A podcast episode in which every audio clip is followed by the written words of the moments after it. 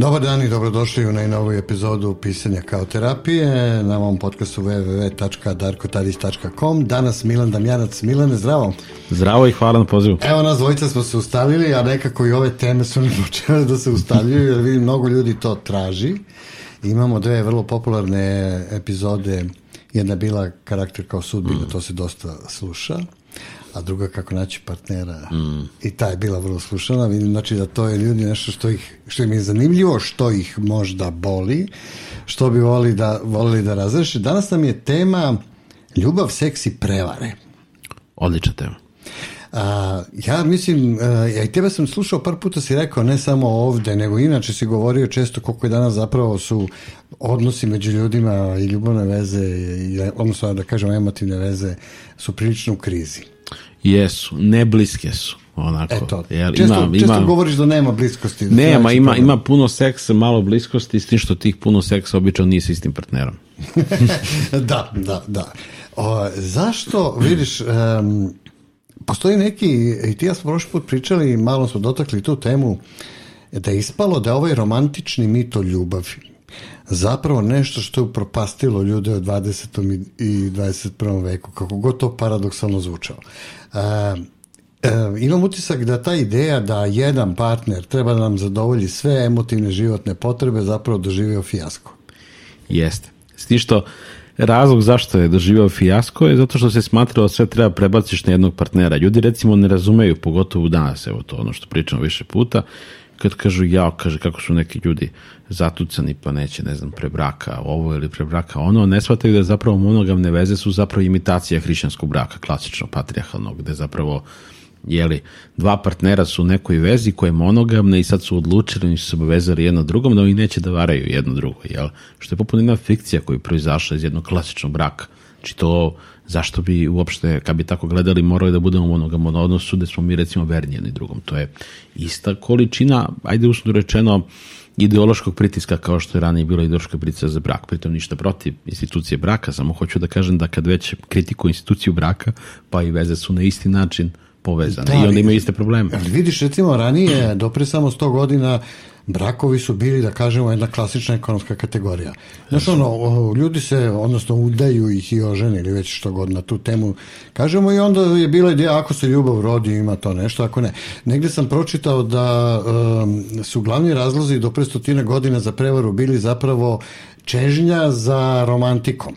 Jest. A ne sam seks po sebi, jel, nego čežnja za romantikom, ovaj, jer to je bilo, kako ja kažem, koga je bilo briga, mislim, tu si, mi imamo decu, de, da preživimo, negujemo tu porodičnu ćeliju da bi se opstalo, prosto. Yes.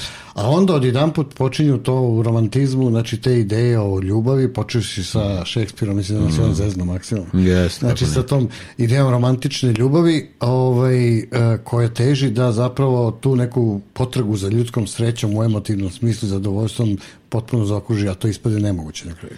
Jeste. A to je zapravo ideja iz kolektivističkog društva, uvek se ide u to da ti treba da imaš brak zato što je to važno za zajednicu, a u individualističkom društvu važno je za tebe. I sad, pošto je važno za tebe, ljudi nisu promenili instituciju, institucija je dalje ista, a očekuje će dobiti ono što nisu dobili nikad ranije. Znači, ti hoćeš kroz instituciju braka, gdje ti provedeš nekim 10, 20, 30, 50 godina, da ti sve vreme osjećaš ljubav. Mislim, to je popuno, popuno iluzorno. Ljudi ne razumiju odakle uopšte strast, odakle seks. Odakle pa, ja ljubav na to nestane. da što više strasti ima, intime se manje i obrnuto. Apsolutno, apsolutno. Zašto je to tako? To ljudi ne razumiju kako funkcioniše taj mehanizam. Oni misle da to biološki, to nije biološki. Mislim, ni da nije i biološki, ali nije samo biološki. Znači, o čemu se radi? Ono što smo pričali više puta o transferu, kako mi zapravo neke neispunjene potrebe iz detinstva prebacujemo kasnije na druge ljude, pa ne znam, vidim ženu koja je jednako hladna ko, ne znam, moj tata, pa onda će ona meni da da toplinu koju mi tata nije dao. E, iste stvar sa seksom. Znači, kada ja ne znam tu ženu, kada je ta žena meni nepoznata, ja se njoj dokazujem ili želim da dominiram ili šta god, znači ja sad hoću nekako, to je isterija. I pošto je misterija, to je privlačno, a privlačno je zato što ja onda mogu da učitam u nju gomilu stvari koje ona nema. Znači, bliskost, praktično bliskost e, ubije seks. Ubija, ubija strast. Ubija strast. Da, ubija tu. strast. Ima puno ljudi recimo koji imaju izuzetno kvalitetan ovaj, seksualni život čak i posle 20 godina, ali to je zato što ti ljudi uh, su promenili popuno način imanja seksa. Promenili su način uh, ponašanja u seksu, znači neka bliskost njima donosi veću povezanost, pa je to ono što zovemo vođenje ljubavi. Međutim, da bi ti održao ono što mi danas zovemo seks, znači straz, da to puca, sve da to... Znaš kako, za mene šta, mislim, mnoge moje prijateljice i prijatelji ali mislim su žele sklonije tome, možda grešim, ali znaš, ideal uh, strasti i seksa to je ono poštar zvoni dva put, seks na to. stolu gde pasulji mrve, naš, e, to. i to je to, naš, e sad kad to, to recimo u mnogim vezama tako počne, jel? Počne jer se dokazujemo. Jeste, ne znamo one druge, oni su tajnoviti to, još to, uvek, to, to. ne znamo, ne, ne, ne nose musave trenerke i yes. čarape iscepane po kući i tako dalje i onda kako, onda, kod većine tih brakova relativno brzo dođu deca yes. i dok se mi bavimo s do, decom, to je 5-6-7 godina, to nekako ide i onda od jedan posle toga čorak. Nema ništa, da. Nema ništa, kako to yes. sad? I onda ljudi ili ostanu s tim, u tim, da tako kažemo, beseksnim brakovima, mm. žive kao cimeri mm. um, i tako dalje. Šta on, zašto je toga zapravo sve više i više? Mislim... To je normalno. E sad, zašto kažem to je normalno? Ne kao to je normalno treba da opstane, nego to je dobar primjer koliko mi zatvaramo oči na neke stvari. Evo, na primjer, mi svi znamo, niko od nas ne zna ili bro malo možda znamo ljudi koji imaju neki redovan seksualni život, recimo kako odmah, odmah godine u braku, a mi dalje verujemo da to može da se desi, baš ćemo mi to da nađemo. Da. Ispod slamnatog šešira, jel? Da. I sad, šta, šta, zašto sam to rekao? Zato što ljudi se nikad ne pitaju, a dobro, što postoje tih seksi shopovi, što, što postoje te role play igre, e, pa naravno, e, ali šta je zapravo ideja? Ideja je da ti zapravo odigravaš uloge, pa ne znam, tvoja partnerka da stavi periku i da se zove drugačije i ti da budeš neki drugačiji, to onda uspali, odnosno jeli, ponovo, ponovo pokrene strast. E sad zašto ponovo pokrene strast? Zato što se izmaknete iz svojih uloga. Problem sa ljudima je što odigravaju iste uloge. Ti kad odigravaš iste uloge ti previše poznaješ ovu drugu osobu i to više nije uzbudljivo. E jeste, znaš, ali ja recimo um, očekujem da kad sam u vezi ili u braku s nekim, meni je mnogo važnije da imam tu poznatost, da imam mm. sigurnost, mm. da imam rutinu, um, uh, kako bih rekao, podizanje dece, zarađivanje mm. para i tako dalje, to je neminovna rutina, jedna Jeste. grozna, ne bi li porodica preživela, mm. ali zato ubija strasti i ubija seks. I onda šta? Onda počinju prevare. Jeste, onda su, onda najmanji broj ljudi se razvede. Najčešće je prosto prevara sa strane. Znači, pojavi se neka osoba i to je nekako logično. Zašto je logično? Zato što društvo stalno insistira na tome treba budeš srećan, treba ti bude lepo i ranije je bilo toga, samo manje i onda manje ljudi je varalo ili se bar manje znalo. A sad kad je onako veliki pritisak na tome treba budeš srećan, treba da ne znam, imaš strasti, treba da i te da i sad ne znam ti sad izađeš negde kod kuće, jeli, žena neke svađe, preprike, si kupio mleko, nisi kupio mleko, deca traže ovo, ovo, ono, ti napolju, a neka tamo fina, ne znam, ženica onako upoznaš, pa ona kaže, jao kako ste vi markantan, gospodin, pa, pa kako ono.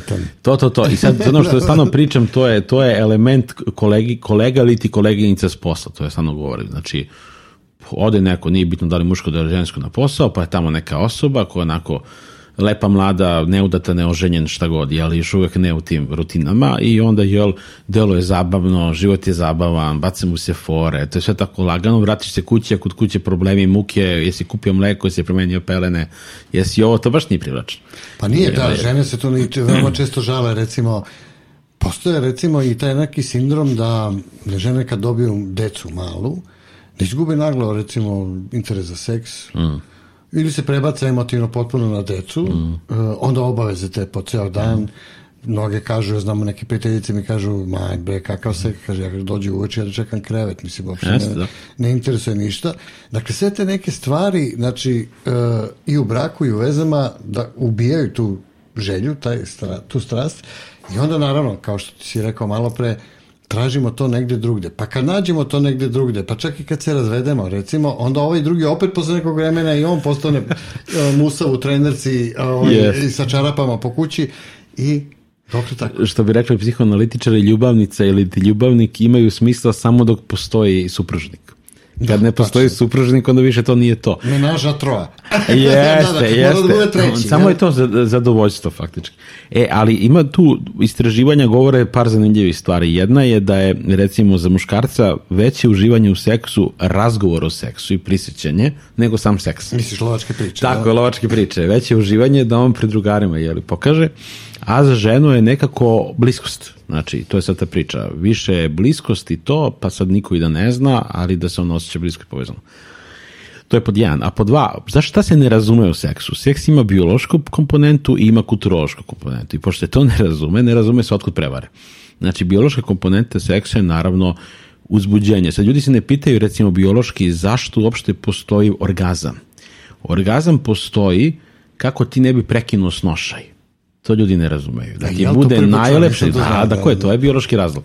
Jer onda ti kao muškarac baš tog trenutka ti recimo najlepše i onda jel, ti faktički prokreiraš, odnosno ne napraviš dete. Znači, svrha biološka seksa je produžiti vrstu. To je biološka svrha seksa. Kad se produži vrsta, uglavnom seksualni nagon krene da pada u nekim godinama, bar dok deca ne porastu. E, međutim, zašto on ne pada?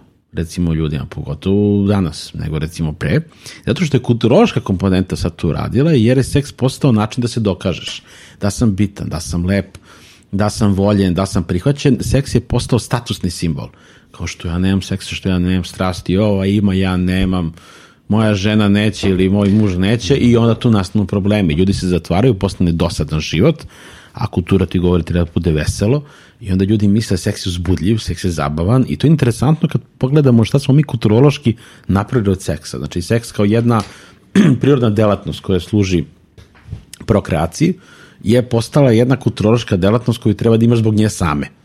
Jel? Da, to se, to se lepo vidi kad se recimo poredimo sa životinjama koji su uglavnom za animirani oblik seksa u smislu biološkom, jel? Kad Jest. dođe teranje kučke recimo Jest. i ovaj pas na primjer to oseti to. ili to i to je to, jer tu se obavi u tom trenutku. Ali oni ne sede u skafu i razmišljaju o seksu uh, komšinici s trećeg sprata, jel? I kako bi to bilo, što ti kažeš, nije sam čin biološki snošaja zanimljiv, nego to sve okolo što ide. Znači, ja sad moram da planiram da me ne uhvate. To, to, to. Uh, onda ona je taj scena. Uh, ja ni pojma nemam, on možda mi priča što hoće, ja to neke priče, bajke, znači sve ono okolo je zapravo ključ. Da li to onda možemo da kažemo da zapravo nama taj višak seksa iz dosade?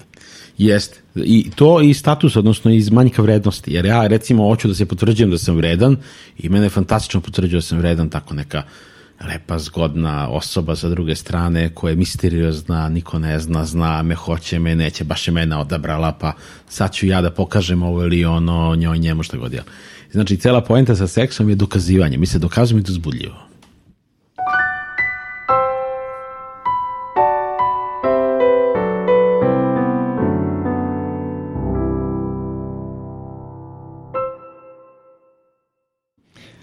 Primjer, evo ja, kako da ti kažem, gde je ljubav tu? Sad mi kao krenemo pod, pod tu rečenica ljubav, se izgleda gura mnogo stvari koje baš neka sa seksom i prevara, neko ko baš imaju mnogo veze, ali ajde da kažemo, dakle, taj romantičan mit koji mi, u kojima smo odrasli, ja sam ta baby boomer generacija, E, to znači podrazumeva da nađeš neku osobu eto, koja je i pametna i lepa i seksi i palite i ovo ono i genetski ti odgovara hoćeš da imaš decu s njom i šta ja znam i te i to se sve ostvari ali meni sad više to nije dovoljno.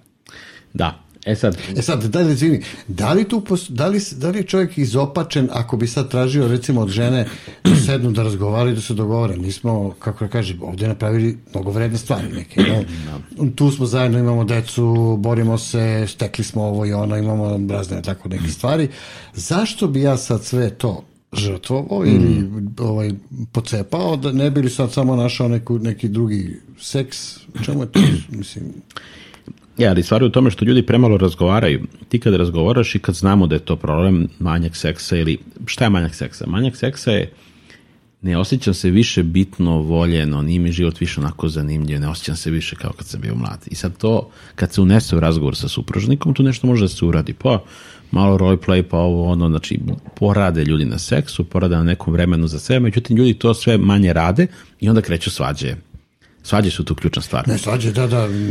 Nema seksa, nema, što ja kažem, nema neverbalne razmene. Znači, nema one razmene koje je telesna, ne povezujemo se više taktilnošću, tako što se grlimo, mazimo, jel? imamo seks i pošto toga nema, onda ima svađa. Aha, znači, ja sam sad ovde tebi samo, ne znam, to što kaže moj klijent, ja sam njoj samo novčanik, da, cimer, ili moja to. klijentkinja, ja sam njemu samo, ne znam šta, neka tamo koja zme zdravu za gotovo i da, ljudi počnu da cimerišu i kad počnu da cimerišu, onda nezadovoljstvo raste, onda ja ti nisam dovoljno dobar, šta, i onda se mane naduvavaju još više. Pa on je ovako, on je onakav, ovaj je ovakav, itd. itd.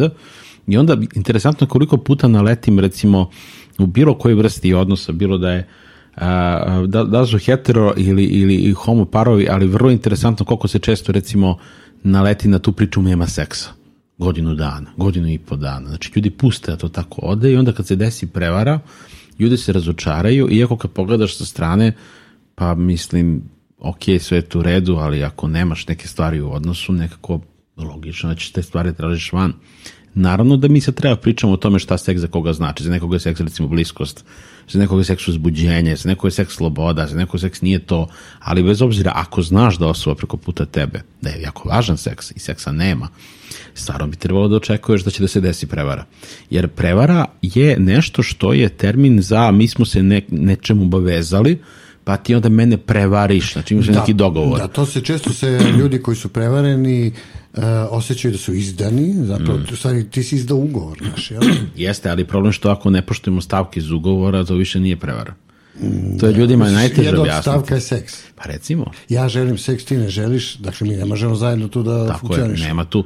E sad, gde, tu, gde je tu prevara? Prevara je kod momenta gde neko ne kaže slušaj ja ovako neću, nego uradi nešto sa strane. Da, da ovaj drugi ne to, zna. Tako da, da, drugi ne zna. I to je ono što je moment izdaje. I naravno nije, naravno da je kriva osoba koja je to uradila, to bez, nemaš tu šta ali je činjenica da kad razgovaraju treba da se priča malo i ugovoru. Ali dobro, uh, imaš ljude, recimo, ok, ima ona, kako bih je rekao, imaš onu uh, seks, uh, imaš prevaru u glavi, mm. koja nije realizovana, imaš takozvani seks da bah, to je mm. ono kada ti odeš na kongres pa se spe, spanđaš sa nekom koleginicom pa posle ništa, i imaš seks koji su veze, pa neki mm. čak traju i godinama. Ja imam jednu prijateljicu koja je, recimo, muž deset godina varao sa dve žene i pritom da. nijedan nije znala za onu drugu. Da, da, da. I sad pazi, to su već paralelni životi. Jesu. Znači, da li je razlika, u, znači, prevara u glavi i paralelni život ili je to zapravo suštinski isto? Razlika, ja mislim da je hrišćanstvo sa sobom donelo puno lepih stvari, ali jedna loša stvar koja je donelo je taj veliki pritisak na misli. Znači, ja grešim kad mislim moje grešne misli. To je popuni, psihološki ono to je nonsens. Ja imam drugara znači, recimo koji vodi ljubav sa svojom ženom, onako jedva, a zamišlja neku treću. U jednom u malom mu izletelo ime, pogrešno. Da. što se e, događa, jel? Jeste, ali to je, to je suština, znači, što mi nećemo da kažemo istinu. Naravno da nas vrlo često zbuđuju neki drugi ljudi. I nije to sporno. Sve dok mi ne radimo nešto sa tim drugim ljudima, ja to ne bih klasifikovao kao prevaru. Ima puno parova gde se recimo o tim stvarima priča, što je meni jako zanimljivo. Imaš puno parova koji se ingerišu, pa nikom ništa. Ima i to, naravno. Dogo, i opšte... Dogovorno se, ili, ili dogovorno. ono, i dali su jednu drugom dozvolu da imaju veze van braka, ali oni čuvaju sve brak. Jeste, i to u principu lepo funkcioniš. I sad ima puno ljudi, recimo, imam ja recimo drugaricu koja on, ona i njen dečko komentarišu zajedno druge žene, druge, druge muškarci i tako dalje, tako dalje pričaju o tome i fantaziraju i seksu fantaziraju i svašta nešto, ali ne radi ništa van uh mhm. -huh. njihovog odnosa fizički. Tako da mislim da je ok, isto kao što mi igramo roleplay i ostale stvari, znači idemo u sex shop ili td. itd. Ljudi samo neće sebi da priznaju da strast prosto umire vremenom, a umire zato što mi strast se održava tako što ti imaš neku što bi rekli Hrvati predođbu, odnosno imaš neku ideju, predstavu, da, predstavu da. osobi, ta predstava se rasturi nekom trenutku i više to nije zanimljivo. I onda naravno kad ti živiš, moram da citiram mog prijatelja pre par godina, sad se setih, to je baš dobar primer, sedimo nas trojica i sad ovaj, e, kaže ovaj treći drugar, kaže, znaš, kaže, sve manje i manje osjećam potrebu za seksom sa njom sad sa nekom njegovom devojkom. Izvini, imam ja drugara koji kaže, koji mene zapanjeno pita, pa ko još spava sa svojim ženom? To, to, to, to, to, to. I ovaj drugi mu kaže, ovaj koji je malo duže oženjen, i kaže, Pa dobro, kaže pa kako dobro, kaže prvi, kako dobro, kaže, pa sve manje imam potrebu, kaže, da spavam sa svojim devojkom. Kaže, pa čekaj, ti počeo beš da živiš s njom? Kaže, jesam, pa to ti je zato. to je, Eto, dijagnostika ovoga. Je, ali, ali stvar je zapravo iza toga i ono što je poznato nije privlačno dovoljno. To je, to je muka, da, to je zapravo taj neki, kako bih rekao, a, Gordijev čvor, to ne može da se razreši nikako, nekako. Mi ja malo čak i letimično kad gledamo kroz istoriju i vidimo kroz literaturu, kroz uh, filozofske spise, kroz tako razne stvari, mi vidimo da je to večna dilema zapravo, zato što je verovatno uh, glavni pokretač za strast je ta novina. Novo, tajanstveno, nepoznato, nedostupno. Mm. Jel? Jeste, ali e, e, šta ćemo da radimo sa tim ima direktne veze sa tim koliko nam je strast ili ti seks važan. E, sad, to je to, ključno. To je, e, da, a to gde nam je važno ima veze sa našim samopouzdanjem. Na primjer, jeli, kao dobar deo ljudi nije baš odrastao u sjajnim porodicama i onda ima problem sa nekom vrstom samovrednosti. Znači, ne osjećam da se vredan sam potvrđen i onda mi to treba. Znači, I misliš, seks osnovi- kroz seks dobija potvrdu, Kako da ne? to je seks jednako ljubav. Jeste. I onda je seks jednako vrednost. Ja se osjećam vredan, ja se osjećam živ. I onda kad toga nema, to je problem. I onda šta se često desi? Obično ljudi koji su u stvarno dobrim brakovima gde se prevara ili nije desilo nikad ili možda jednom sa 40 godina, a ima stvarno parova da se nije desila nikad, to je interesantno zato što su to obično parovi gde jedni i drugi ne kubure sa svojom vrednošću, da su jedni i drugi dosta komunicirali, da su jedni i drugi radili recimo na tim stvarima, odnosno na seksu i ostalim stvarima i to je mali broj parova. Jer mali broj parova zapravo komunicira i govori, je, slušaj, meni je palo na pamet to. Jer iskrenost je jako bitna za takve stvari. A hoćeš da održiš odnos, ti mora čak i fantazije da deliš sa partnerom. Da. Jer ljudi kad krenu da kriju fantazije, to je već neka vrsta nezadovoljstva. Seks, Ili, ili da imaju sreće da im se stavovi poklapaju. Tako znači, je. da, kao što ovi recimo vole da se ingerišu, imaš ove druge kojima seks nije mnogo bitan. Tako je, u ima, nekom ima. smislu, ili neke druge stvari. I kojima ima, se ima i bave. toga, ima i toga. Nevolja nastaje kad to nije kompatibilno. Tako je, tu, kad jel? jedan hoće mnogo više, to najčešće. Znači, jedan hoće mnogo više nego drugi, ili pri- priča meni klijent, recimo, sad treba se ženi i onda kaže kako je nezadovoljan seksualnim životom, kako ga ima malo. I ja onda njega malo izokolo pitam, a ja misliš da će ga biti više?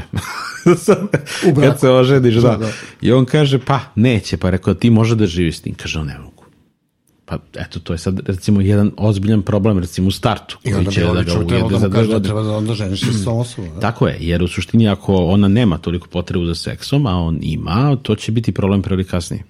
Suštinski, da. Apsolutno. A, kako da kažem, mm, to, nekako čitajući literaturu sad ovu modernu koja se time bavi, znaš, tu se sad sve razlaže e, u sitna creva, recimo, e, kroz razne primere brakova ili veza, e, razlaže se zašto, ne znam, on ne želi ili ona ne želi, a on želi, kakve su to sad imali detinjstva, e, rane modele, sve to dobro, mislim, ali za kraj kraja upravo što si ti rekao, ja s tim slažem, znači to je krajnje individualna stvar. Kako da ne? Možda je poštenije da ljudi pre nego što krenu u vezu dublju, značajniju, nekako to raščiste sa sobom i s drugim, ali to izgleda se ne dešava. Pa da, pa ja sam em, imao neku poznanicu na fakultetu koja, ona i sestra su odrasle u kući s mamom i tatom i kaže, to je, kaže, kad smo bile mlađe, sad mi to kaže čak i simpatično, jer vidim da su oni vole, da su oni uklopljeni, ali kad, si, kad, je, kad sam bila mlađa, meni to, kaže, bilo strašno, kaže, svako večer smo mi njih čuli u sobi, kaže, to je toliko, je to bilo glasno da to je bilo zastrašujuće, ali eto, oni su bili poklopljeni i nekako oni su tu nešto radili i,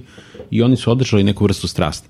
Međutim, ljudi imaju puno tih nekih neverovatnih predstava o tome šta brak treba da bude ili šta odnos treba da bude i onda zato što imaju takve predstave, onda ne mogu se nositi sa tim. Kad ti unapred imaš predstavu da će seks biti problem, pre ili kasnije, i da na tome treba da se radi, ti se lakše nosiš sa tim, manje si razočaran i više ćeš da pričaš. A kad ideš sa nekim sumanutim prepostavkom kako će sve to vreme da bude kao što je u početku, problem je.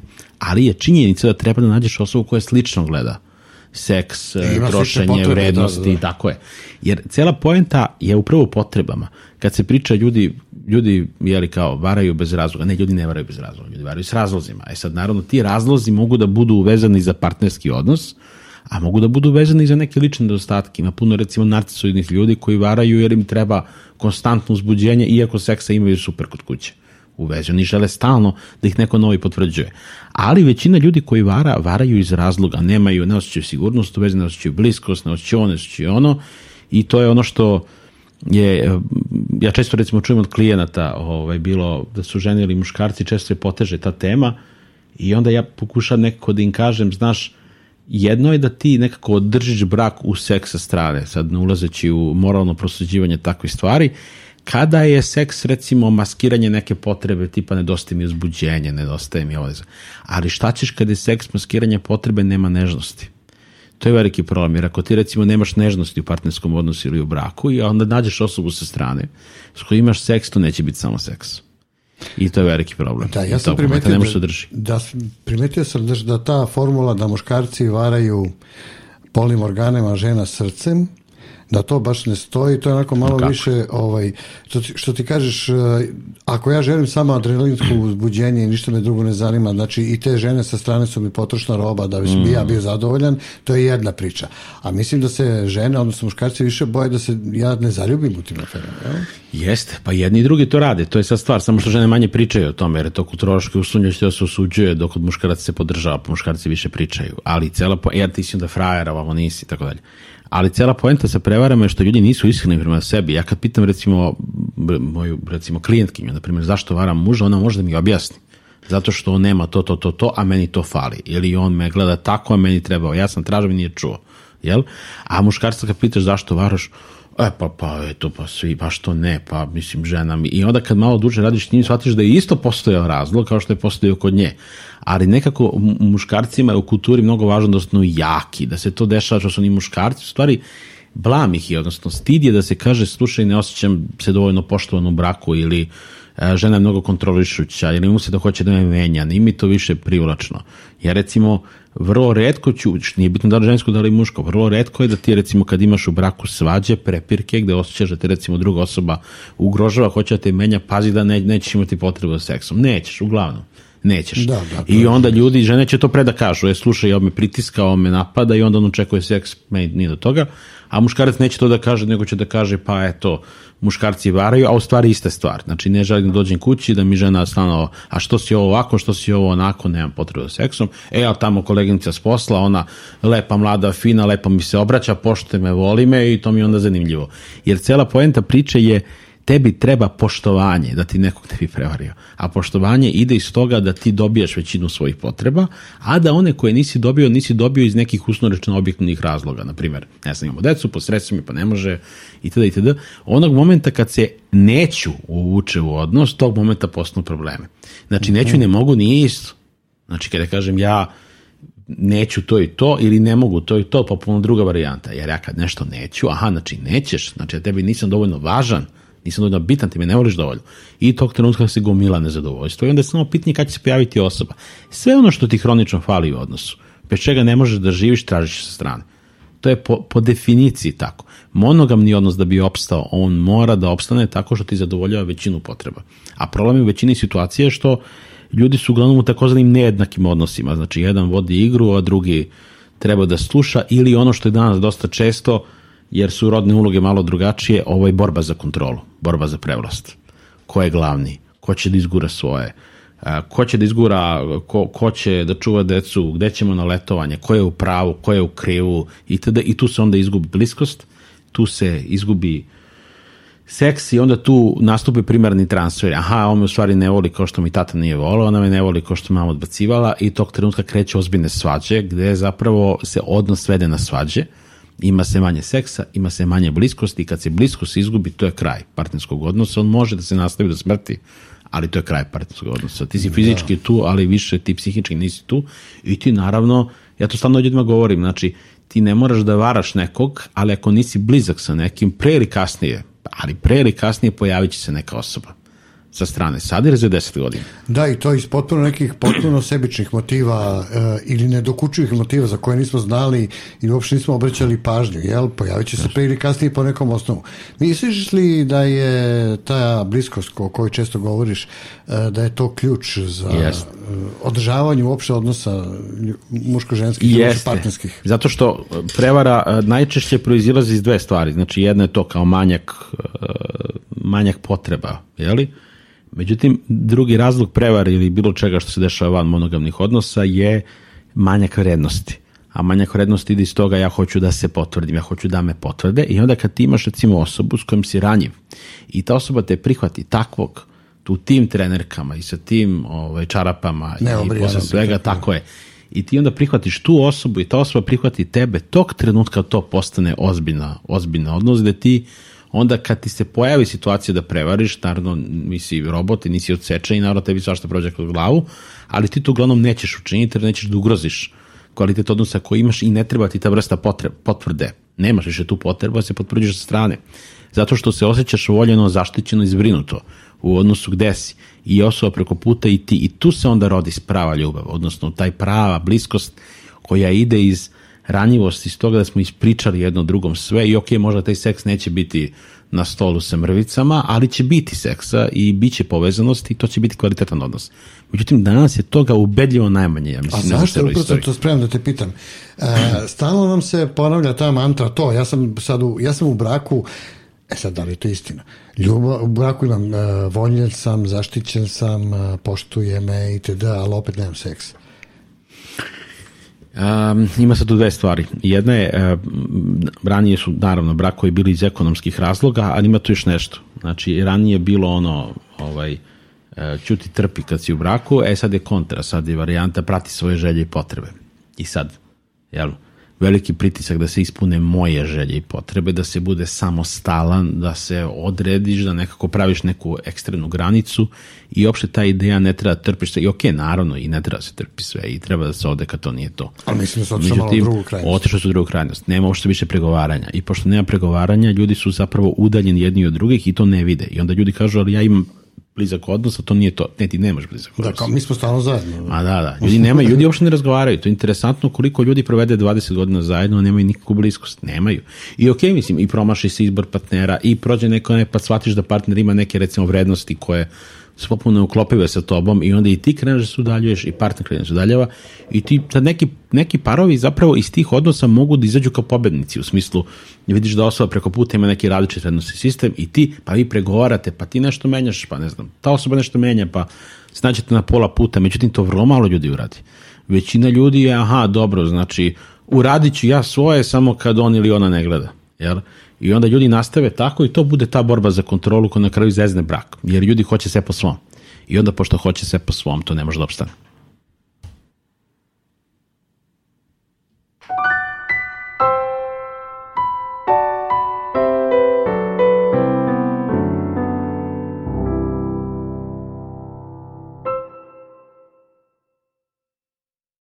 Da li misliš da kad ljudi m, prevare jedno drugo, da li, da li to treba da se prizna? U, to je jako zanimljivo pitanje. A odgovor je jedno odlično zavisi. ha, u, u, kako si se izbigoljio.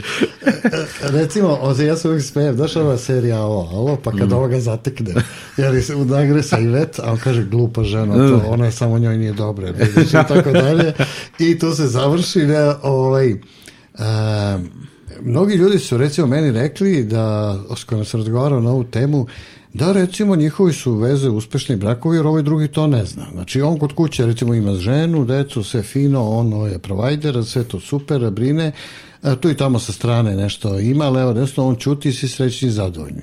Je to formula? Uf, e, nije formula, ali ima sad tu, to je jako kompleksna tema. Jer recimo šta se desi?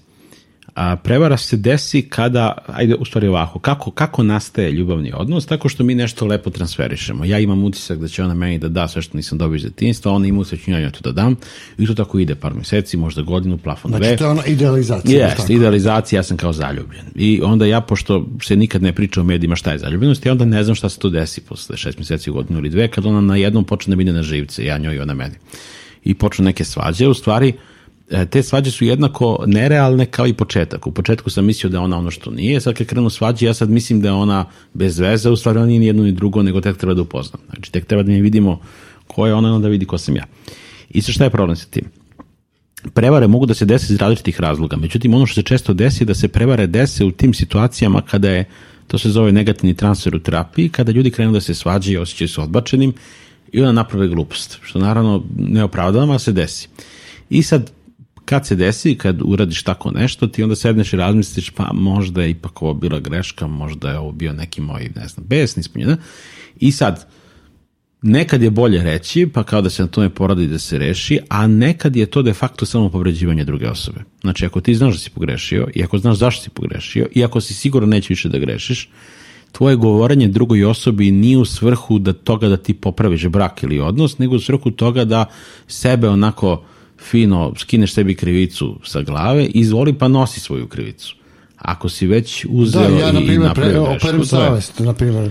A to? Ali, koliko je to uopšte realno, kako da kažem, m, da li je bolje da stvarno čovjek čuti, jer Da, može da se to oprosti, nisam ja siguran. Ne znam, Ne da znam, to je, to je veliko pitanje u suštini. Opet kažem, zavisi od osobe, treba da znaš s kim si, kako ta osoba gleda recimo prevaru, ali je činjenica da momenta kad to je, ovaj, uvijek me smeje neki moj prijatelj koji je u nekoj dugoj vezi bio i onda je jednom prilikom prevario ovaj, devojku, ali nikad to nije rekao, bio na nekom poslovnom putu jeo se dve godine zbog toga, ali ovaj, nikad to nije rekao i onda su imali neku raspravu gde je ona onako sa uplakana njemu rekla da je ona njega prevarila. I ovaj i on onako popuno užasnut i ona kaže pa dobro, ali i sad kaže na njemu, znaš, kaže, ja sam sumnjala. I onda mu kaže, kad si onda bio na poslovnom putu da se nešto desilo i kaže, ja se okrenem ka njoj i kažem, kako možeš i da pomisliš tako nešto?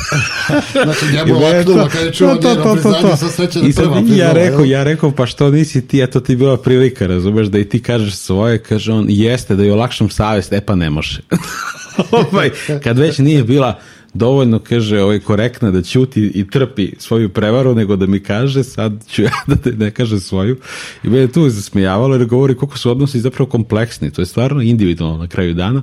Tako da, da li treba reći ne, ne znam, ono što ja često vidim je da ljudi ne mogu da oproste. To jest da ljudi mogu onako kognitivno kažu da, da, ja ću njemu ili njoj da oprostim. Da, ja sam imao jednog, jedan slučaj da recimo muškarac je prevario ženu i priznao je to, jel ga je savest, neki bi rekli, ali glup. E, jela ga je savest i tako dalje i onda je, su oni otišli kod terapeuta i tu sad je počela to da se nešto raščlanjava ta priča, ali zapravo ona ga je neprekidno kinjila. Znači, Pa to, to, zapravo to, to. Ili, ili obrnuto možda bude, sad sam, pričam konkretno ovaj slučaj. I na kraju su se razišli. Jeste. Ja mislim da je stvar u tome što sad je drugačije nego što je bilo onda, ali recimo statistike su jako interesantne po tom pitanju. U tim recimo brakovima koji su sad recimo ljudi 50 plus, uglavnom recimo što se dešavalo ranije je bilo da muškarci češće varaju nego žene ili se bar češće saznavalo i onda to nekako dođe do žene, muškarci imaju manje potrebu i da kriju jer ona mora tu da ćuti da trpi i onda žena oprosti na rečima, ali zapravo nikad nije oprostila i onda čeka, ovaj, to je bar tako istražnja pokazuju, čeka da a, muškarac oslabi. U prevodu što znači oslabi, znači dočekaju oboje starost i onda krene faktički, sad ću ti naplatim. A sad račun. Zve, sad ide račun za ono što si radio i onda zapravo sad taj bes koji se akumulirao krene da izlazi. I zapravo vrlo često su žene patile u odnosima baš zato što su morale da ćuti da trpe izlazilo na psihosomatiku. Sad je to malo drugačije, sad ljudi mnogo manje trpe takve stvari i sad mislim da je nezgodno to sa prevarom, znam dosta odnosa gde su ljudi stvarno prostili i nastavili dalje, ali i taj oproštaj je nekako išao sa nekom dozom razočaranja, pa dve, tri godine ti tu nešto peglaš i tako dalje. Ali da stvar bude gora, ta druga osoba koja je oprostila ima utjecaj da sad ima neku vrstu zelene karte.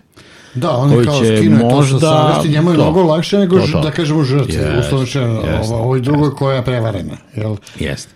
I onda prevarena osoba ili jako dugo je razočarana i tužna ili u jednom trenutku i ona prevari. Jel? Da, kao vratim ti Da, ti vratim, da. I onda ima ne moraš da saznaš da ti vratnik kad si ti mene, neće tebe. I onda dolazimo do dotle šta je to zapravo iskrenost u odnosu. Iskrenost u odnosu ima savršenog smisla kada smo mi sve vreme trudimo da budemo iskreni, kada smo bliski i kada iz te iskrenosti stvarno se produbi bliskost, onda ima smisla. Znači kada smo mi svoje ranjivosti podelili. Pa da, ali zar nije bolja varijanta, recimo mene kad pita neka moja partnerka koliko si ti imao žena pre mene, ja kažem ti si mi druga. Ili treća. Ne. I sad ona zna da ja lažem, ali smo svi srećni. Ja, ja se malo parodiram, ali zar nije to? Jeste, jeste to. Ja, ja se uvek setim nekog ovaj, mog prijatelja koji je onako bio dosta aktivan, da kažemo, kada je bio mlad ovaj, na tim žensko-muškim odnosima i onda ovaj, jedna devojka s kojom je bio mu kaže, deluješ da si veoma verziran u ovim stvarima. Kaže, si ti imao dosta žena pre mene? A on, on kaže, ja na takve pitanje ne odgovaram. Pam- pametno. I to je pametno, da. Ali šta hoću da kažem, a, pitanje je, veliko je pitanje zbog čega se dešavaju prevare, to jest koja potreba nije ispunjena, onda kada nema dovoljno bliskosti odnosu, znači da je bilo bliskosti odnosu ne bi ni došao do takve prevare, da se razumemo. Jedno je prevariti, drugo imati aferu. Šračite stvari. Što U prevariš, razlika? pa da što prevara izaziva krivicu, prevara se desi zbog ko zna kakvih stvari koje se dešavaju recimo u Misliš, je braku ili vezi. na mah prevara, Tako ne? je, a em, afera govori nešto dublje, da tu dublje postoji neko nezadovoljstvo i da to nezadovoljstvo faktički izbija toliko da je taj popuno ok da imaš neki drugi život sa strane, što znači da si ti hronično nezadovoljan neki stvari u odnosu. I to nije isto. I da si ti u stanju zato što si hronično nezadovoljan da imaš nešto sa strane. Ili da citiram ovaj, moju koleginicu, mnogo ljudi, e, e, kako rekla, mnogo ljudi koji ne varaju svoje žene ili muževe, ne varaju zato što veruju da će dobiti ono što nikad nisu dobili od njih. Ti 10 godina sediš i vičeš i nerviraš se, promenit će se on ili ona i posle 10 godina kad shvatiš da neće, kaže kreću prevare. I onda kaže šta se desilo posle 10 godina? Ništa. Samo si shvatio ono što svi shvatili na početku da ona nije za tebe. rekli na početku. Tako je, tako. da, da, e, to je interesantno. Inače, istraživanja pokazuju, to je stvarno tako i u praksi. Brakovi, veze, se uvek raspadnu zbog one stvari koje ti smetalo na početku, a mislio će se da se reši. Da, ja to uvek volim to da kažem, to ti kao i sa komunikacijom. Kako počne, tako si završi. što god bi, da, znači, yes. počne loše, loše se završi, što god bilo između. Yes. Ali vidiš, ovdje ima jedno interesantno pitanje, kad si pomenuo prevare, ove na mah, na aferu i tako dalje, često se čuje još jedno pitanje, to je zašto ja kad ne mogu da oprostim, znaš, u stvari koliko to duboka izdaja. Kad uh, ja priznam recimo ženi prevario sam te njenje, a on kaže, ali ti nju voliš? Da, da, da, da. Pa dobro, prevara je jedno kao seksualna prevara, kao neka glupost koja se desi. Da li to uopšte može se odvojiti, to kao gimnastika je ovo sad samo teh tehnika, ali kao ako nju voliš, e onda je prava prevara i to je mogu ti oprostiti. Ne može da se odvoji do kraja, ali može se odvojiti do nekle. Znači, postoji prevara koja je emotivna, što to znači emotivna prevara, recimo, ono što često srećem, ljudima fali to, nežnost i bliskost u braku i onda nađu neku osobu koji imaju seks i to stvarno više nisam u ja ne mogu da se pomirim s tom činjenicom koliko god da to zvuči, znaš kao postoji seks bez emocija, postoji ne znam, dobro, možda postoji u nekom procentu da ti kad odeš, ne znam, i plaćaš za seks, pa kažeš ajde to je seks bez emocija, što mislim, ali mi smo ljudi emotivna bića. Možda, znaš, ja sa prostitutkom ne moram da budem zaljubljen u nju ili da ne znam šta, ali kako da kažem, neki mali minimum emocija, ali sa nekom aferom, sa nekom drugom ženom koju ja treba da legnem u krevet, da li, ja nekako ne verujem u tu tezu da, da to može da radiš mehanički. Čisto A, zato što danas empatija strahovito pada, ljudi su strahovito otuđeni i oni mogu određene odnose da tretiraju instrumentalno. Zbog toga se to pokazuje i to ima veze sa generacijskim jazom. Mm -hmm. Znači ono što često čujemo od ljudi, recimo evo, konkretno, moja klijentkinja koja im priča kako vara muža sa nekim tipom sa posla, I onda kako ona to sad objašnjava sebi? Kaže, u početku taj tip posle bio zanimljiv, mi smo on jedan lep muškarac i tako dalje, sve se bio ok. Ja sam čak razmišljala o nekom trenutku kao, da meni može se desiti da se ja sad nekako vežem emotno za ovog čoveka. Međutim, on ima i toliko odvrata. Njegovi stavovi su katastrofa. Njegov vrednost sistem je začuje, Bože, ja bih ga ubila da živim s njim. Ali dobar u seksu. Znači, može da se odvoji? Može. Ipak. Može. Ne mogu svi. Ne mogu da. se ljudi da odvoje. To je stvarno individualno i to malo ima bez sa, i sa odrastanjem i sa moralnim kodeksom i svačim nečim. Može, seks je jedna komplikacija, neki ljudi mogu savršeno to da odvoje, jer mogu instrumentalno da, ono što ja stvarno pričam sad kako se sve ovo dešavalo u društvu, kako ovo društvo koje nam je jeli, stiglo, pa smo i mi deo toga, gura te, usno rečeno, psihopatske vrednosti. Znači, šta su psihopatske da, vrednosti? Da, da. da, ja mogu da instrumentalno posmatram stvari. Seks je postoji roba. Jeli, Jeste, ma sve je postao da. roba. I onda prijateljstvo su roba, seks je roba itd. itd. I onda ljudi tretiraju jedni drugi instrumentalno. Zato i govorim, znači kad postoji brak ili odnos ili veza, gde su ljudi stvarno bliski, onda oni nisu instrumentalni. Onda kad se ne daj Bože partner razboli ili mu je teško, ti ćeš zapravo stvarno daš sve što imaš da pomogneš tom partneru, je voliš tu osobu, voliš tu osobu i voliš ko si ti s tom osobom. Ali toga se manje i manje. Pogledajte recimo statistiku posljednjih 15 godina, vrlo malo ko, bilo da je muško, bilo da je žensko, ostaje u brakovima, recimo kad se neko razboli, uglavnom ostaje dok se bolest ne završi, onda odlaze. I to je sad ta stvar. Znači, ono što se često dešava ovde je da ljudi sve manje hoće da budu bliski sa nekim. Oni ulaze čak i u brakove sa idejom tu sam dok ne naleti nešto bolje tu sam dok su mi ispunjene potrebe, tu sam dok ovo ili ono. I onda često taj ta instrumentalna pozicija zapravo bude problem, jer onda ljudi gledaju, čekaj, evo, imam spisak potreba, ja mi ti ispunjavaš da, ovi sedam. Da, mi nešto, tu mi je zabavno, uzbudljivo, to. ovo, ono, s drugom, o drugom uopšte ne razmišljam, znači ne interesuje me moji problemi kad iskrstu toliko velika odoja. Tako je. I onda znači, kad se to desi, bude veliki problem, jer onda ljudi ne shvataju da oni nisu ušli, kao što se nekad ulaze u brak iz gluposti, u smislu, ja nešto osjećam, prve dva meseca, ja ću ja da nju oženim ili ona da suda ili šta već, i onda shvatimo posle dve godine da popuno bila neka iluzija, jeli? E sad su otišli u drugu krajinu, sad samo što papire ne nose na sastanke. Znači da ima, misli, ti uklapaš i to, to, aha, kaži mi Pa da, gde si da, socijalno... I u porastu su ovi bračni predugovori, znači gde Kako da ljudi ne? masovno se obezbeđuju imovinski. Jel? I i što sa sa strane kad govorimo, naravno jeste pametno, ali to govori malo i o društvu i ljudima, jer ti do te mere ne veruješ partneru, znači nemaš bliskosti, da ti hoćeš da se osiguraš. Ljudi kriju račune u banci, ljudi kriju pare sa strane. Da, moj drugar Ja, kaže, ona hoće da me odere. To, to, to i onda da, ljudi, da, da. ali ljudi su onda stalno u tom nekom strahu, ovaj će da me prevari i onda kad si u strahu ovaj će da me prevari, onda nisi iskren, nisi blizak. Iskrenost ima smisla u bliskom odnosu, iskrenost nema smisla u nebliskom odnosu. Ti ako si prevario osobu preko puta s kojom nisi blizak, a očito nisi čim si prevario, pa da se osjećaš krivicu, pa shvataš da to nije bilo dobro, bolje nemoj da govoriš, nego probaj napraviš blizak odnos s tom osobom, pa nećeš opet da prevariš. Ako stvarno imaš želju da popraviš. A ne da sad ti nju povređuješ, a ti ne možeš da se nosiš sa krivicom. Znači, stvar iza te priče o iskrenosti je uvek zašto se dešava, u kom kontekstu i gde. A to sa instrumentalnim odnosima je sve češće i zato i seks sve više bio zanimljiv sa novim ljudima. Mislim, uvek je bio, ali sad je recimo ekstremno tako. Sad recimo aplikacije funkcionišu tako. Recimo, masa ljudi ima vrlo redko na tim aplikacijama ima naravno na tim aplikacijama ljudi traže i veze i odnose ljudi na jako usamljeni. Tinder i ove, recimo ali tamo ima puno ljudi koji će reći jesi raspoložen jesi raspoložen odmah večeras. Ja sam skoro pitao neku klijentkinju, kaže videla se sa tri tipa sa Tindera, imala je tri puta seks sa tri različite muškarca, ona za dvojicu ne zna kako se zovu. Uopšte. A šta je svrha toga? Znači ona zapravo, on, ona zapravo je progoni svoje sebični interes. Pa da, s tim što to često ljudi malo i ovaj preko seksa, pošto seksa društveno prihvatljivo jedna lepa aktivnost, preko seksa kao i preko hrane ili bilo čega drugog zatrpavaju neke loše emocije.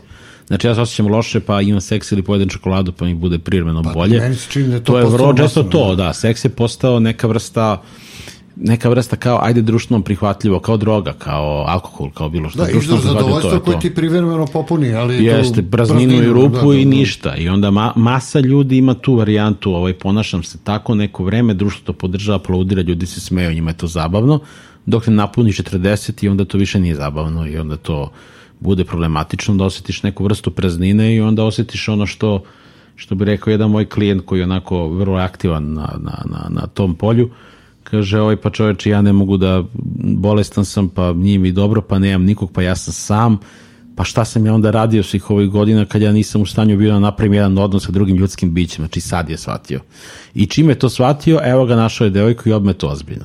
Znači nije ono što ljudi kažu dođe prava osoba, ne, nego ti moraš da shvatiš Tako šta je, tebi treba i da je. se posvetiš nekom. Ali mnogo sveta ima takvog. Da, da, evo, pogledaj, na primjer, što kažeš ti, muškarci ili žene koji pređu određene godine, shvate da su utucali taj svoj emotivni život nikakav, da je bio potpuno isprazan, onda kreću Viagra i te stvari, Da. ne bi li se to što, što duže i duže održalo i onda na kraju u 60-70 godina šta, čorak. E, pa to je veliki problem, ovaj, a zašto veliki problem? Zato što ljudi nisu shvatili da je jedna od, eh, to jest ono što ja uvijek govorim kao različite su svrhe života, ali ono što je zajedničko je odnos, čak i fiktivni odnos, ali likom iz knjige pa odnos. I ti ako, si, ako nisi pokušao u životu da imaš odnos sa nekim ko ti ko te premalo iz ljubavi kritikuje, pa i ti možda nju ili njega, jel, pa vi nađete neki kompromis, pa to je pravi psihički rast, pa ti si sa nekim kome je stalo, pa ti se menjaš zbog nekog i neko zbog tebe, pa ti više nisi sam. Pa to je, što reče neki ovaj tip, naleteo sam neki ovaj snimak, ali dobro je rekao, kaže, ljubav je, ljubav je da smo čuvari, znači, kad si čuvar tuđe samoće. To, je, to mi se baš O, to dobro sviđa. zvuči, ta metafora I, i jako da. lepo, ta ideja da nekako e, tu sam, lepo mi je s tobom i tebi je lepo sa mnom i ok, kao imat ćemo i druge ljude i radit ćemo i druge stvari, ali toliko smo povezani i toliko nam je lepo i toliko smo podelili toga i toliko smo bliski da zapravo mi nismo više usamljeni jedno pored drugog, a to se gradi, to ne može se nađe, ljudi tu greše i onda zato ima toliko prevara, problema i tako dalje, to ljudi nisu našli. E sad neki ljudi znaju da to nisu našli, pa onda ne znam kako se izvuku iz loših brakova. Pa ja mislim da mnogi ljudi možda ne znaju, ali već- osjećaju, Da, znaš. e, to je to. Mislim da većina ljudi ne zna, ali osjeća nešto nije u redu, ali kao da je nekako sramota da se priča o tome. Pogotovo muškarci je sramota da pričaju o tome. Da ne, da ne osjećaju povezanost sa suprugom, da su možda hteli da imaju tu povezanost. To je vrlo često ono što vidim je da se žene pre da kažu, slušaj, ne osjećam se povezano, on me ne čuva, me ne sluša, ja s njim nemam čemu da pričam, on, ne znam, neće priča o emocijama, neće priča o sebi, ja se osjećam diskonektovano sa njim. Ali muškarci, što bi jedan naš terapeut rekao, to obično znači da to nije to, ovaj, muškarci vrlo redko pričaju o tome da se osjećaju popuno diskonektovano s svojim suprugama i onda odatle idu takođe prevare i nezadovoljstvo.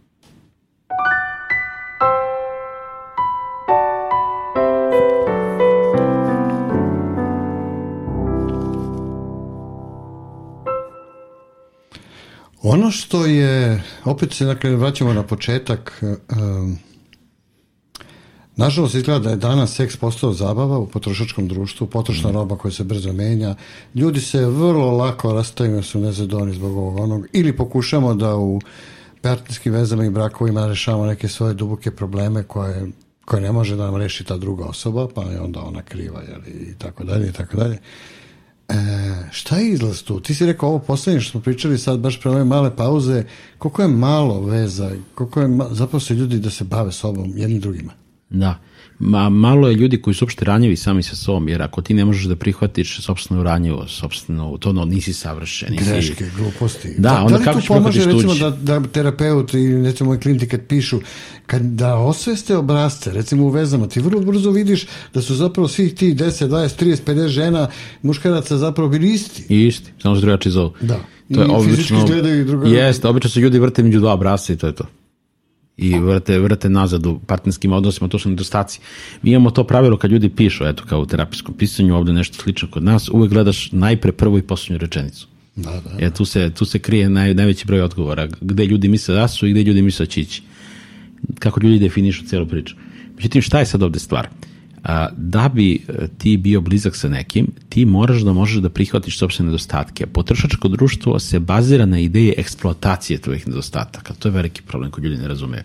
Znači ti recimo u nekom drugom kolektivičkom sistemu, recimo onom tradicionalnom kapitalizmu koji je nekad bio, onaj državni kapitalizam, pa ti imaš neke, nije ti tržište to koje se uređuje, nego ja, imaš ti neko lokalno tržište, nemaš neko globalno.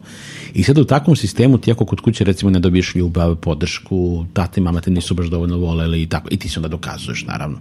I onda jednog dana ti nađeš ljude, pa nađeš, ne znam, ne znam, ženu s kojom si blizak, pa nađeš prijatelje, pa oni te svi podrže, pa shvatiš da su drugi ljudi tu za tebe kako roditelji možda nisu bili i to izvrši reparaciju ti nekako postaneš slab sa tim ljudima, ali oni su tu, pa imaš, to se nekad bilo, imaš kuma, pa prijatelja, pa se svi okupe, pa šta ti treba, tako da.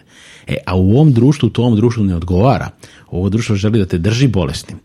I ovo društvo ne želi da ti imaš tako reparativno iskustvo, nego želi da ti ostaneš sam, jer ako ostaneš sam, ti si kao baterija, ti ćeš da radiš i da radiš i da radiš, jer ćeš da se dokazuješ. I ti ćeš da nastaviš da se dokazuješ Da li i to onda znači to je. da praktično monogamne veze i brakovi zapravo su oči na propast? A, pa bojim se da da, mislim da institucija braka polako umire i ako ovako društvo opstane ekonomsko, ono će pojesti instituciju braka, ali neće ono pojesti samo instituciju braka, ono će pojesti instituciju drugog čoveka. Znači, institucija drugog čoveka, institucija bliskosti zajednice, znači tebe zaje- zajednica je preživao. I onda ti ne daš instrumentalno tu osobu, nego se povezuješ sa tom osobom i vidiš više sličnosti nego razlika. Ti nekako kreneš da se menjaš zbog te osobe, da trpiš toga danas nema i pošto toga danas nema, onda se forsira sve više tih instrumentalnih odnosa. Instrument, tekst kao instrument, bliskost kao instrument, sve instrument, sve prevara, sve fora i naravno kod svih ljudi. Toga će biti sve više i više kako godine odmiču ako ovaj sistem ostane, to ona, ona priča o transhumanizmu i onda ako se to desi tako, u nekom trenutku će institucija prosto odnosa umreti. Pogotovo sa ovim razvojem tehnologije, nema šta. Znači moći da naročiš šta ti treba. I onda u tom procesu nema. Prošli put sam sa ovom koleginicom imao emisiju to, ljubav preko interneta, recimo, mm. koliko je već sada u ovim, da kažemo, u odnosu na transkomunizam, ovo su još uvijek rudimentarne Da, da, da. Ovaj, stvari, a koliko već sada to menja perspektivu. Kako ne? Znaš kako ja vrtim levo, desno Jest. Tinder, jeli biram ljude, mislim. Jeste, ono, jeste, potpuno- jeste. S tim što neće to društvo kako god da bude moći popuno da istrebi tu potrebu čoveka za drugim čovekom i to društvo će opet da stvori još više mentalnih problema i još više usamljenosti nego ovo. Biće strahovito to. To će biti vjerojatno suvici da toliko neće moći da izbrojimo. Verovatno za 50 ili 100 godina. Ali ja mislim da se tu da ide i ta instrumentalizacija ljudi, života i svega, da upravo to ljudi osjećaju da nešto nemaju, a ne znaju kako to da imenuju, a stidi da kažeš i onda ovako društvo time hrani, jer ti nećeš imati društva, društvo gde ti sad deliš, e, ovaj, ovo mi je loše, osjećam se isključeno. Ljudi se smeju, kaže isključeno, što si normalan, bre, ajde idi bre tamo. Da, pa. Akvarijum, puno riba, vidi sve Tako to je, okolo. tako je, ima, tako ima šta hoćeš. Jeste, i onda ljudi lupetaju. I onda iz tog lupetanja dođe se do da ljudi više ne dele kad su usamljeni, kad im je teško, kad je ovako, kad je onako i onda se sve gleda kroz onako spoljašnost, ono kako se mi predstavljamo.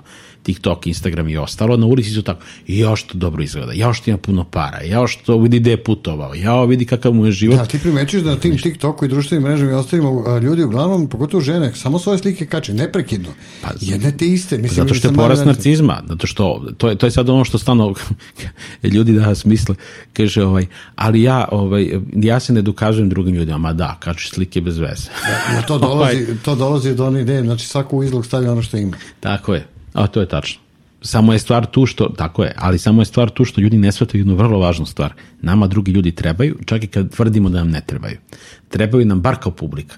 Čak i kad ti instrumentalno koristiš drugo. Evo ti recimo neku ženu i da je instrumentalno koristiš radi seksa, on je tebi dalje potrebno ljudi su nam i dalje potrebni. Mi hoćemo da se potvrdimo pre drugim ljudima i sa drugim ljudima. Da, ali nažalost onda ta vrsta motivacije postaje dominantna. Naravno. Ne pravi. Znači postaje ono društvo spektakla. Ali zato, ali zato to, to društvo mora da umre, zato što to društvo te laže, jer ti govori o prilike ne trebaju ti drugi ljudi, možeš sam, a sve vreme ti zloupotrebljaš druge ljude. Znači drugi ljudi ti trebaju bar kao publika, bar kao spektakl taj spektakl opet okrenut ka nekom. Pa znaš kako, možda nije loše jer će onda u tom društvu i prevara da umre ovako kakva je danas pozor, to sigurno. pošto neće biti to monogamnih i veza, to, no. onda koga šta briga. Da, neće biti prevare, to je sigurno. Nema, zašto je bila prevara? tako da se tumači, jel? Neće, Kao neće. slobodni, šta? Tako je, mi radimo šta nam dođe da radimo. Tako, što I to, to je sad pitanje kuda će ovo sad da, da, da teoretišemo, ko zna kuda će ovo da ode, ali mislim da će se i ako se ovo kažem ovako nastaviti, promeniti popuno i način dobijanja dece i način uspostave odnosa i način Očigledno imanja odnosa, ali ono što je monogamija, ona je bila radi održanja vrste. Ako tebe više ne treba monogamija radi održanja vrste, šta će ti monogamija? Onda će to i nestati. U stvari, možda će se ostvariti onaj komunistički ideal da su vi slobodni ljubavi. Sećaš se? Da, Rusija sećam se kako ne. Da, da. I ovo gde, gde se pročito, znači, bila ona opcija, ide radnik ulicu, vidi ženu, odlećak i dakle, gotovo, seks, svi smo slobodni tu, ne možda, ni bitno. ali verovatno koliko, i, i to hoću da kažem bar za kraj, to koliko su ljudi zaboravili da, da bi ti neko društvo održao. Društvo mora da ima neku kulturu, neku civilizaciju. Ta kultura i civilizacija mora da se zasniva na nekim visokim vrednostima. Te visoke vrednosti trebate razliku od životinje, bez urede za životinje, danas smo gori od njih. E sad da te razliku od životinje znači da ti moraš da učiš da neke stvari držiš pod kontrolom ako hoćeš da budeš ozbiljna osoba, jer onda ti si u stanju recimo da kontrolišeš neke svoje ajde usno rečeno obrazce, neke svoje potrebe, pa si da nju da ih usmeravaš, pa ti onda imaš vreme koje ti sublimiraš, odnosno ti umesto da radiš, god ti padne na pamet, ti pišeš, crtaš, ti onda imaš neku visoku kulturu, a u društvu koje promoviše radiš šta god ti padne na pamet i to zove slobodom. I u društvu dosade. Tako je, društvo dosade, ti faktički šta radiš, kažeš, e, u ovom društvu ti nije bitna empatija, jer ti empatija ništa ne znači, znači samo umre ti, empatija. Samo ti otežava stvar. Samo otežava. I onda naravno umire empatija. Jer ti treba monogamni odnos, ne treba, umiru monogamni odnos. I onda se pitanje postavlja, dobro, a ti treba ovom društvu, ljudi kažu, hoću da budem srećan. A ti palo nekad na pamet da možda bi bilo lepo za ovih 50, 60, 70 godina koje živiš da napišeš nešto, da uradiš nešto, da doprineseš da, nečemu. Da, zapravo, a što? Da se razviješ A što? Da. I onda što, to uopšte ne vidi da je to problem. Ne, ne, što dok, dok se ne pokrene javna priča o tome kako, ne znam, propada životna sredina i onda kažeš, dobro, ajmo da radimo nešto, pa šta mene briga, šta će nije neko za 200 moje. godina, nije to moje. I onda reklame za životnu sredinu su, vrlo je važno da ti ovo baciš u tu kantu, jer ćeš u suprotnom ti da imaš posledice. A pazi, molim te, i onda to ne daje rezultat. Pa naravno ne daje, jer lepo im kažu, neće to sada se desiti, nego za 50 godina, za 50 godina nisi živ. Tačno, baš me briga. I e, problem sa tom vrstom zajednice što ona nije zajednica. I ti kad imaš takvu zajednicu, ta zajednica mora po Znaš, defaultu dobro. To propadanje vrednosti, to je odnosa a, bliskosti empatije, koja je zapravo zaista propada. Ja sam završit ću za kraj jednu anegdotu kad sam bio mlad, znaš. I onda privedem jednu žensku kući i počnemo mi da se skidamo i kad smo stigli do pola, a ona kaže meni, e, to znači da smo mi sad u vezi. Nažalost, toga više nema. nema jeli, ne. dakle, I to je onako jedan, kad sam se setio dok smo pripremali emisiju, znači, e, to je sistem Znaš, kad uh, ti svog partnera ne poštuješ, kad nisi blizak s njim, kad kad, e, kako bih rekao, imaš poriv, da, da ali o, iskontrolišeš, odustaneš mm. zarad one ljubavi i poštovanja mm. koje imaš, ako toga nema, onda više nema praktično ničega. Ništa ti ne stoji na putu. Tako je, tako je, tako je, baš je tako. Milane, bila je baš dobra tema, ovaj, velika tema, mislim da smo nešto ključno zagrebali. Vama, dragi slušalci, pazite šta radite, da vas ne uhvati kao Renea sa Ivet, neko pa i da se okliznete, da neći tuđe ime slučajno ne kažete. Za kraj, Milane, šta bi rekao ovako nešto ne zaključak, ali ajde da kažem, utehu možda. Pa možda uteha tog, da kao još uvek ima ljudi koji zapravo hoće da se povezuju i hoće da budu bliski, treba samo naći takve osobe. Samo je okej, okay, okej okay da se prizna da nemate takav odnos trenutno, ne znači da ne možete ga naći. Hvala, a, drago mi je, nadam se da ste uživali, Milan, hvala ti još jednom. Hvala. A, slušajte mi dalje na mom podcastu www.darkotadić.com, pisanje kao terapija uvek sa vama, do sledeće epizode.